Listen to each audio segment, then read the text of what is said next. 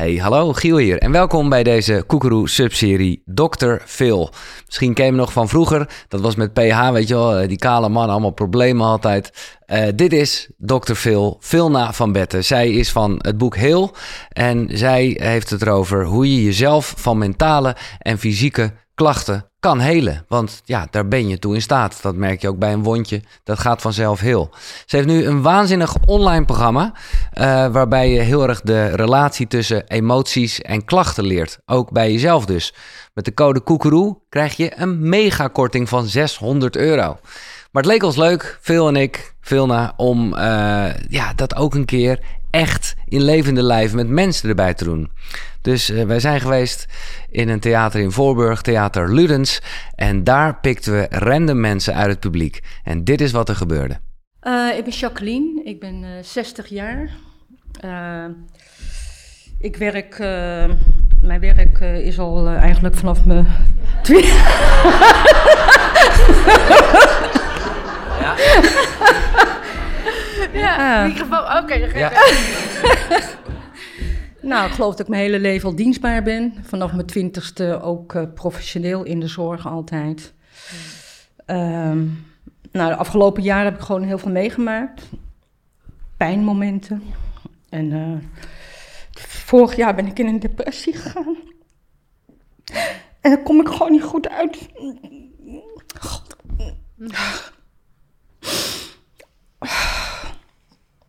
En ik, ja, wat je net vertelde, van ik heb mijn hele leven iets gedaan, maar ik ken mezelf zo slecht, merk ik.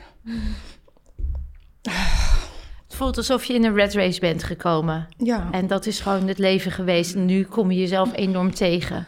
Ja, en ik heb vanaf 2015 ben heel veel gedaan. Ik ben bij Edwin Slijp, een practitioner, um, hypnose. Uh, ik ben in jouw weekend geweest. Uh, nou, ik heb zoveel gedaan. Uh, familieopstellingen de laatste tijd. Uh, het lijkt me of ik er niet bij kan komen. Uh, of er een soort verdriet zit ergens. Mijn hele leven al een beetje met me meesleept, maar altijd door wilskracht wel weer er bovenop ben gekomen. En in 2015 nou ja, ben ik gescheiden van, een, van mijn vorige vriendin, vrouw, na 23 jaar. Nou daarna overleed mijn moeder vrij snel andere baan. Nou ja, ik ben nu sinds vier jaar klachtenfunctionaris in de zorg.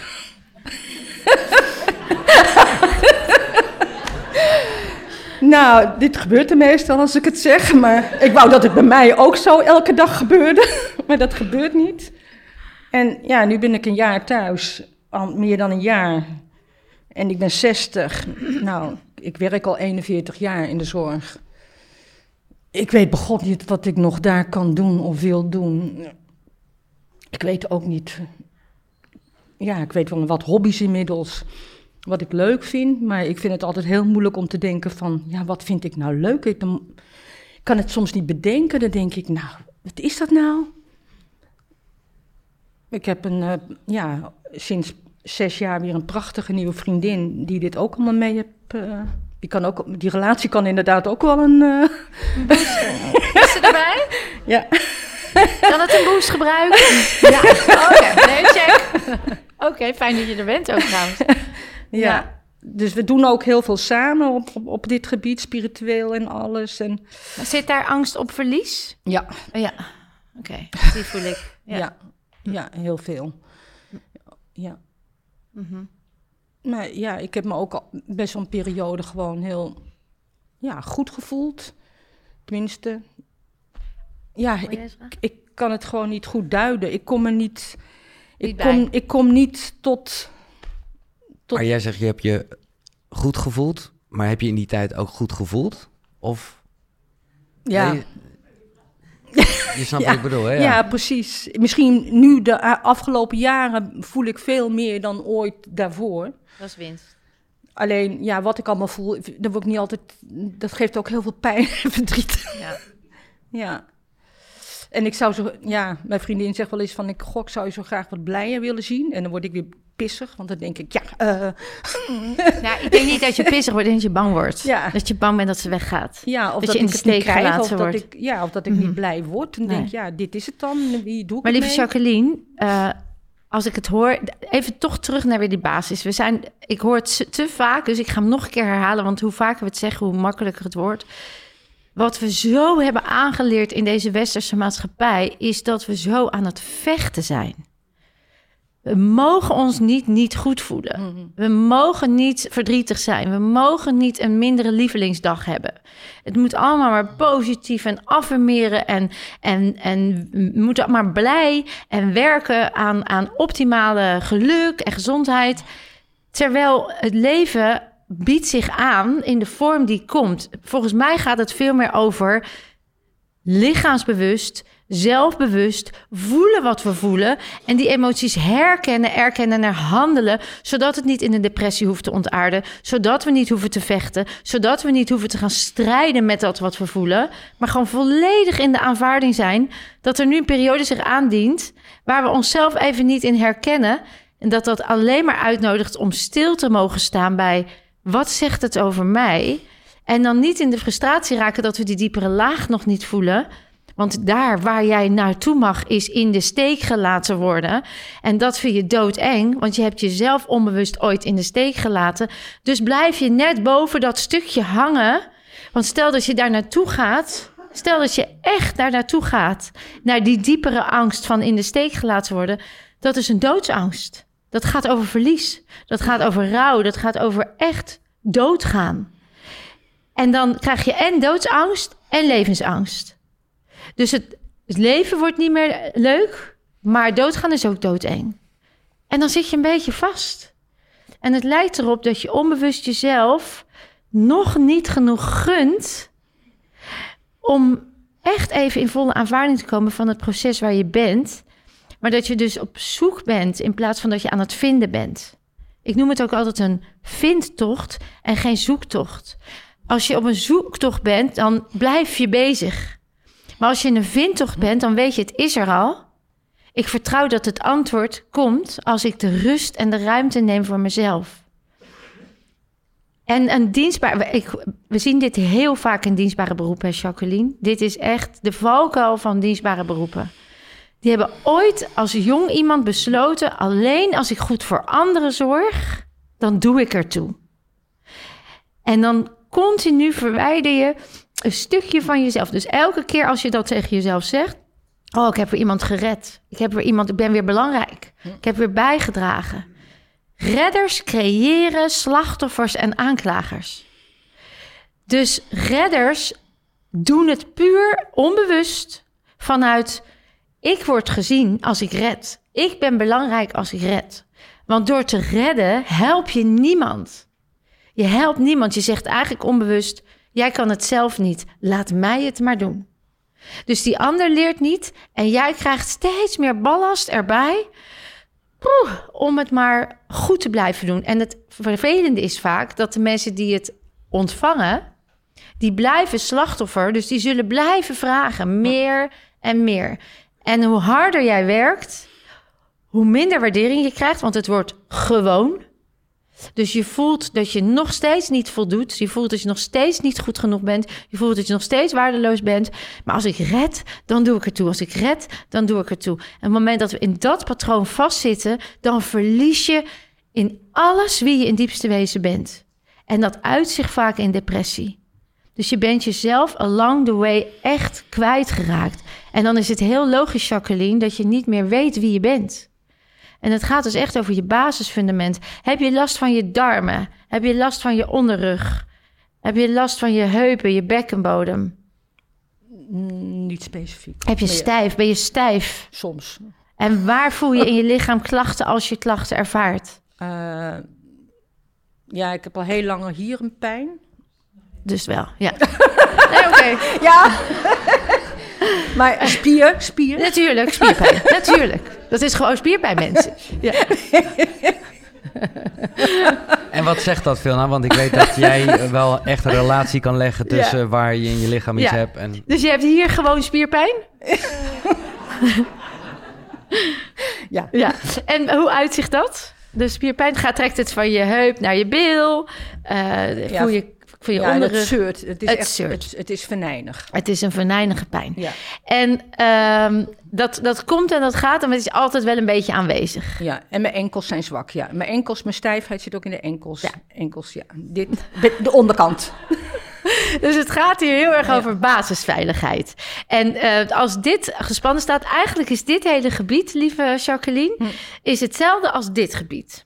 Mhm. Dat is heel gek, maar als je, ja, dat is een Dus beetje. heup en mond is het... Heup eh, en mond, ja, het wordt ook in dezelfde fase gemaakt, 15e dag in de embryonale Ah. fase. En het wordt op dezelfde tijd wordt dat ontwikkeld. En eh, als je ook de, de- ja, een beetje een raar praatje, maar de binnenkant van de mond kijkt, dan lijkt dat ook heel erg op de binnenkant van de vagina. Dus je stem is in relatie met, met vaginisme bijvoorbeeld. Als je stem verkrampt, dan verkrampt het hieronder ook. Ehm, heupen, wat dus heel erg gaat over keuzes maken en richting bepalen en staan voor wie je bent. Dat is dus als dat verstoord raakt, dit hele gebied, dat is echt gaat over bestaansrecht hebben. Ik mag bestaan, ik doe ertoe, ik voldoe, ik, eh, ik ben iemand en ik ga ergens voor staan. Enkels, nou je ziet het al, dat is flexibiliteit. Dus als die wankelen, dan wankel jij. Dus al heel lang zegt jouw lichaam, lieve Jacqueline, je mag ergens voor gaan staan. Je mag jezelf ownen. Je mag trots zijn op wie je bent. Je mag houden van wie je bent. Je mag in volledige liefde zijn met elk deel van jezelf. Wijs je ook je lichaam af? Iets minder, maar... Maar dat heb je ooit wel vaak gedaan. Ja. Wijs je er lichaam af? Partner? Ja, denk ik het ook. Dus ja, even checken. Soms, eh, hè, je, bent nog niet blij met wie je bent en hoe je eruit. En dat raakt je ook. Hè? Ik zie de tranen komen. Laat ze ook alsjeblieft komen, Jacqueline. Want alles wat je onder water houdt, moet op een ander moment weer uit. Dus alsjeblieft. Hebben we tissues hier trouwens, lieve mensen? Misschien dat er even iemand een wc-rol of zo kan. ja, is Marjolein in de zaal? We hebben... Ja, oh nee, ze is niet hier. Ehm, maar dat, dat is echt belangrijk, Jacqueline. Dat je in die basisveiligheid gaat staan. Wat was er ooit zo onveilig voor jou? Wat was er ooit zo onveilig voor jou? Wie ben je kwijtgeraakt? Wat heb je verloren? Waar heb je, waar heb je in de steek gelaten gevoeld? Is er iets wat meteen oppopt? Heeft het een relatie met een man of met een vader te maken? Ja, ik denk vroeger dan thuis. Ja? Ga eens door. Thuis met papa? Ja, maar ook met mijn broer. Met je broer? Ja, die was gewoon heel overheersend in huis. Kijk, dus er was een mannelijke persoon, was heel overheersend. En dat heeft, voor jou, heeft op jou een effect gehad. Alles wat we hier zeggen gaat nooit over schuld. Het gaat niet over je broer heeft dat expres gedaan, die heeft jou willen onderdrukken. Of jij hebt je expres laten eh, behandelen op die manier. Het, we hebben met het bewustzijn wat we hadden gedaan, wat we konden. En als jong persoon hebben we vaak niet het bewustzijn of de kennis of de hulpbronnen. Want wij zijn het enige zoogdier dat 26 jaar lang nodig heeft om zelfredzaam te worden. Dat is echt lang. Dat is echt lang. Dus we zijn nog in een bepaalde manier afhankelijk van papa en mama en onze omgeving. En in die afhankelijkheid worden we gevormd, worden we beïnvloed en krijgen we imprints.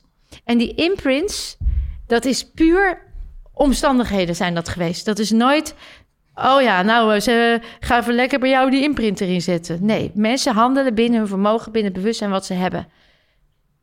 Heb jij je broer je kan het begrijpen, hè, wat er gebeurd is met je broer. Je begrijpt waar hij vandaan komt. Je begrijpt dat het zijn karakter was. Ik hoor een soort... Ik voel een soort... ehm, ja, nou ja, hij wist niet beter of het is... Ik heb hem al... Maar, maar ik voel... Ben je ergens nog heel boos op hem? Want ik voel dus onderdrukte woede.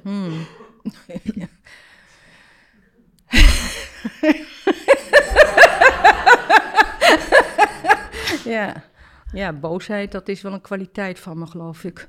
Je, on- je explodeert? Ja. Ja. Explosies zijn altijd een uit balans zijnde emotie van woede. Want explosies hoeven niet. Dat is een, een ballon onder water die dan in één keer baf eruit knalt.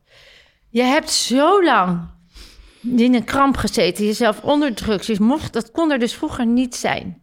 Dus dat heb je later, is dat in veiligere settings, laat je dat wel toe. En dat is nu dus uit balans. Dus dit hele gebied bij jou is uit balans. Als je in deze basis, dat is echt die diepste, Mm. diepste laag. Het gaat op zielsniveau. Sterker nog, ik denk dat het nog in vaderlijn nog verder teruggaat. Ik denk dat vader en daarvoor nog, dat daar al heel veel ligt wat jij nu bij je draagt, wat niet van jou is. Ja, dat, nou ja, dat, dat is iets wat ik elke keer... Voel. Maar ik, ja, met wie deel je dat? Ik bedoel, hoe kom je daarachter? Of, of ja, weet het. familieopstellingen? Ja, ik Nee, je weet het. Ja, maar wat doe ik ermee? Wat doe ik er dan mee? Ja. Ja, dat is dan waar ik tegenaan Daarom doen wij van- dit. Omdat heel veel mensen vragen, hoe dan? Ja, hoe dan? wat kan ik dan doen om dat bij mezelf... Nou, begin is in de, eh, gewoon in de rust te stappen van dat je het nog niet weet. Mm. Want als je het nog niet weet, wil niet zeggen dat het antwoord er niet is. Dat wil zeggen dat je nog niet weet hoe. Als we uit de frustratie stappen dat we niet weten hoe, komt er rust, komt er ontspanning, kan de energie stromen, komen ineens op een plek dat we s'nachts in een droom of op een moment dat ineens lees je iets in een boek of iemand zegt iets tegen je en ineens voel je, ja, daar gaat het over bij mij. Dat is het. En het moment dat die er is, is het herkennen.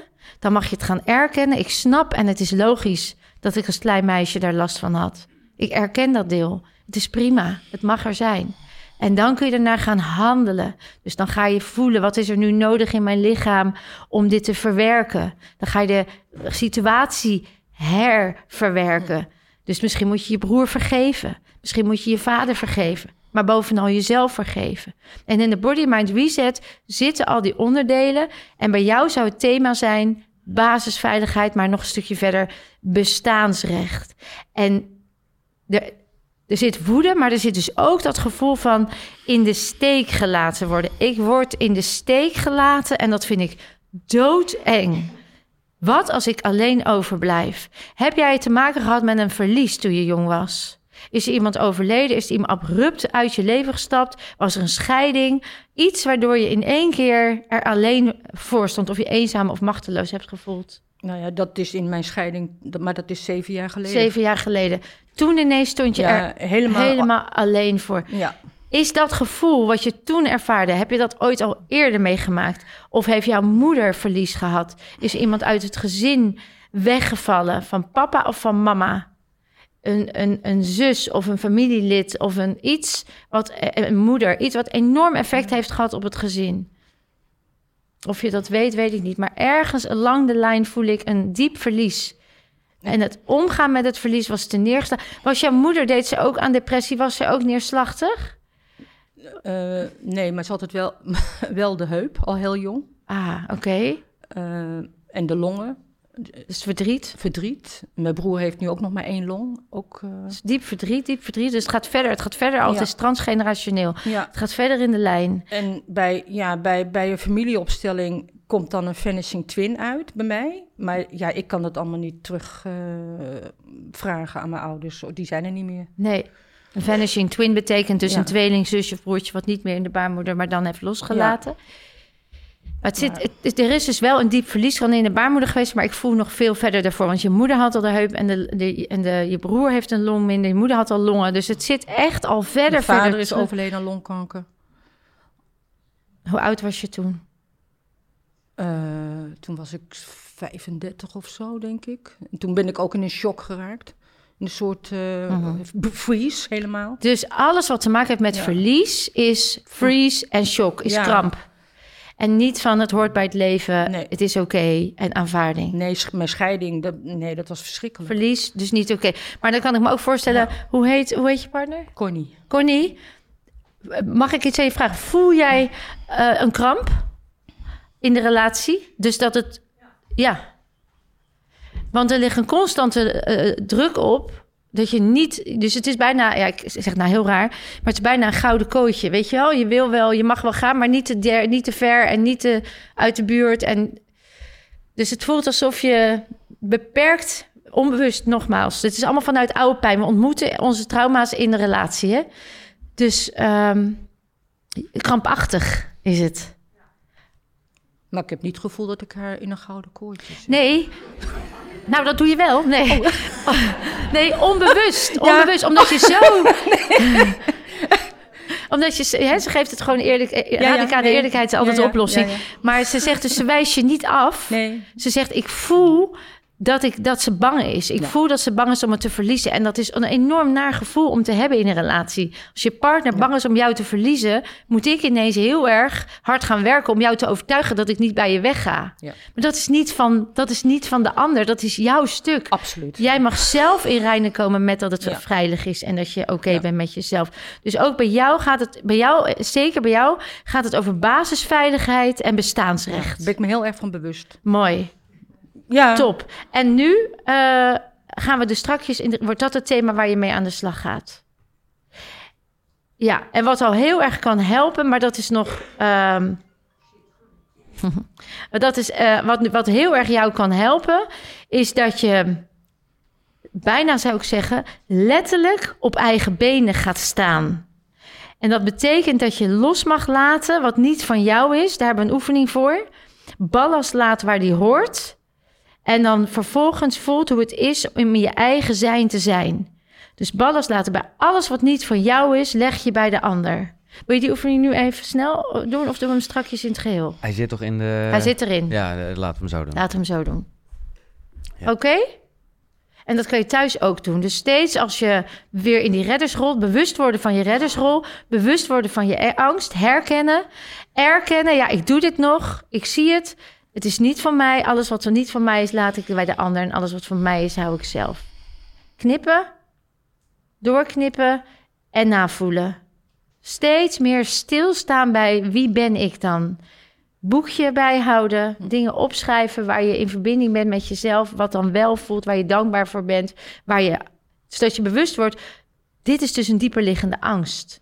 Mijn gedrag is een gewoonte, maar vaak ligt er iets onder. En daar bewust van worden, zodat je steeds meer naar binnen mag, naar dat diepere laagje. En het zou zomaar kunnen dat we daar nu al tegenaan zitten, zodat het strakjes ook al losgaat. Fijn dat je hier was. Dank Tot je. zo. Dankjewel. Ja. Dankjewel. Dankjewel. En dit was het moment dat Vilna met diegene op het podium en met de hele zaal haar body-mind reset methode toepaste. Nou, dat gaat een beetje te ver voor deze podcast. Duurt een uur lang met heel veel muziek en ja, intense nou ja, meditaties waarin eh, Vilna je begeleiden. Dit is dus iets wat jij zelf ook thuis kan doen. Dankzij de cursus, het programma eigenlijk, heel jezelf online. Eh, waarbij je eerst je kracht activeert, je freeze ontdekt. eh, dat je echt lichaamsbewust wordt. Hè? De relaties tussen emoties en klachten, zei ik eerder al. Het gaat over energiebanen en organen. En uiteindelijk zit er ook nog echt de body-mind reset zelf in. Ontvang het maar. Normaal gesproken, het is een eh, groot mooi product, 750 euro. Maar met de code Koekeroe krijg je nu exclusief deze maand 600 euro korting. Dus gebruik die link in de beschrijving. En na eh, nou ja, de intense gebeurtenis vroeg ik natuurlijk ook hoe diegene het had ervaren. We hebben net, eh, nou ja, dat, dat moet je of kan je zelf beleven in het online programma. Maar we hebben net eh, de nou, reset gedaan eigenlijk. Hoe voel je je? Vredig. Vredig. Ja. ja, heel rustig. En ja, eigenlijk wil ik het liefst me zo blijven voelen. Ik moet eerlijk zeggen, het is, je hebt een hele andere gelaatsuitdrukking. Ja, dat kan ik niet zien natuurlijk. Ja, ik zou dit gewoon, ja, dit... Hier voel ik me heel erg in thuis. Dus hier, ik voel me heel erg thuis nu bij mezelf.